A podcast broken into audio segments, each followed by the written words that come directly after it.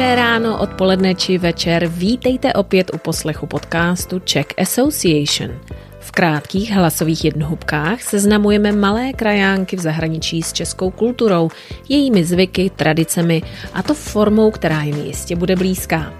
Naším cílem je pomoci upevnit vztah českých dětí v zahraničí k rodné zemi svých rodičů a vytváření povědomí o významu a původu našich svátků k tomu neodmyslitelně patří. Dnes si řekneme, co to je masopust.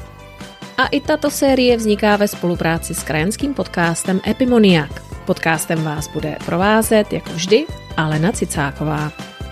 A pozor, pozor, poslech musíte opět dokončit, neboť na konci děti dostanou malý úkol a možnost vyhrát dárek. Pěkně se usaďte, začínáme. Vánoce už jsou dávno za námi, jakoby ani nikdy nebyly. Nový rok a tři krále jsme už oslavili také. A co teď? Nebojte, máme před sebou ještě spoustu toho, co je potřeba oslavit a z čeho se můžeme radovat.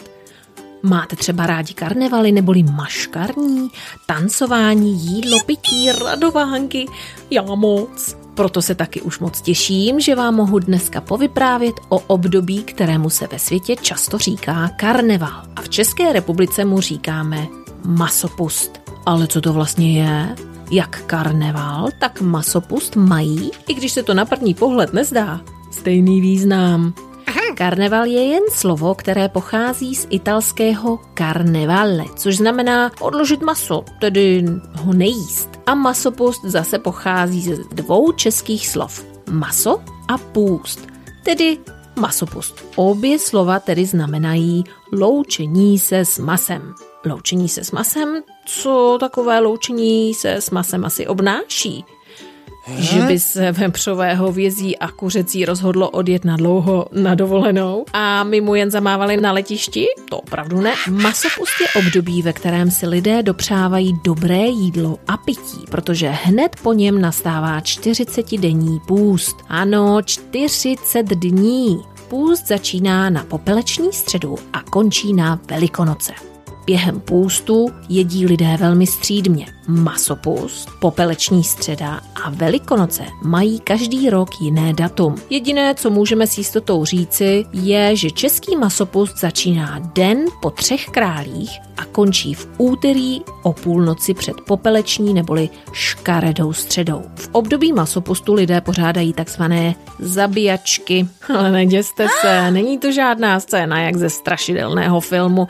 Zabíjačky se konají po celé České republice převážně na vesnicích. Lidé, kteří mají prasata, je celý rok dobře krmí, aby poté v období masopustu z nich udělali klobásky, trnice, tlačenky a jelítka. Masu se pak nechává na horší časy v mrazáku. U takové zabíjačky se většinou sejde celá rodina a všichni sousedé. Zpívá se, popíjí domácí slivovice a pomáhá se, kde je potřeba. Vyvrcholením masopustu jsou pak poslední tři dny před jeho koncem. Dříve to bylo dokonce 6 dní. Tyto dny měly, podobně jako ty velikonoční nebo adventní, své názvy. Byl to například tučný čtvrtek, taneční neděle nebo maškarní úterý. O tučném čtvrtku měli lidé hodně jíst, aby nabrali sílu na celý rok. Na oběd se tento den vařila vepřová pečeně se zelím a knedlíkem. To vše pak člověk zabil pivem.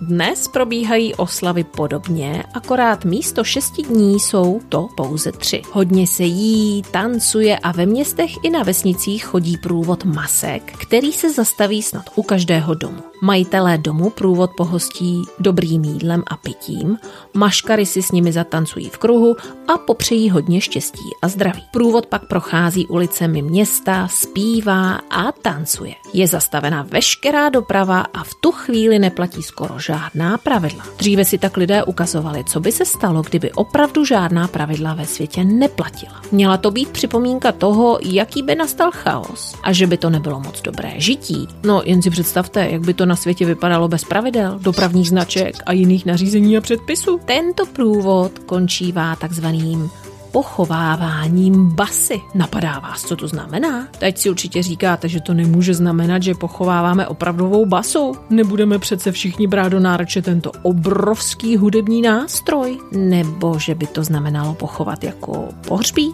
A že by pochování basy znamenalo, že ji zakopeme do země? To se vám asi taky nezdá, že? Ale nejsme od toho tak daleko. Pochovávání basy znamenalo naposledy si zahrát, zatančit a oslavovat, protože potom se na 40 dní hudební nástroje odkládají a začíná období sklidnění až do Velikonoc. Dříve se také tradovalo, že pokud by se lidé veselili i po skončení masopostu, mohl by se objevit čert, oblečený jako myslivec. Dnes samozřejmě víme, že by se asi nic takového nestalo, ale tato tradice nám zůstala i bez hrozby čerta, když patrnosti není nikdy na zbyt. A co bychom mám dneska tak vymysleli za úkol?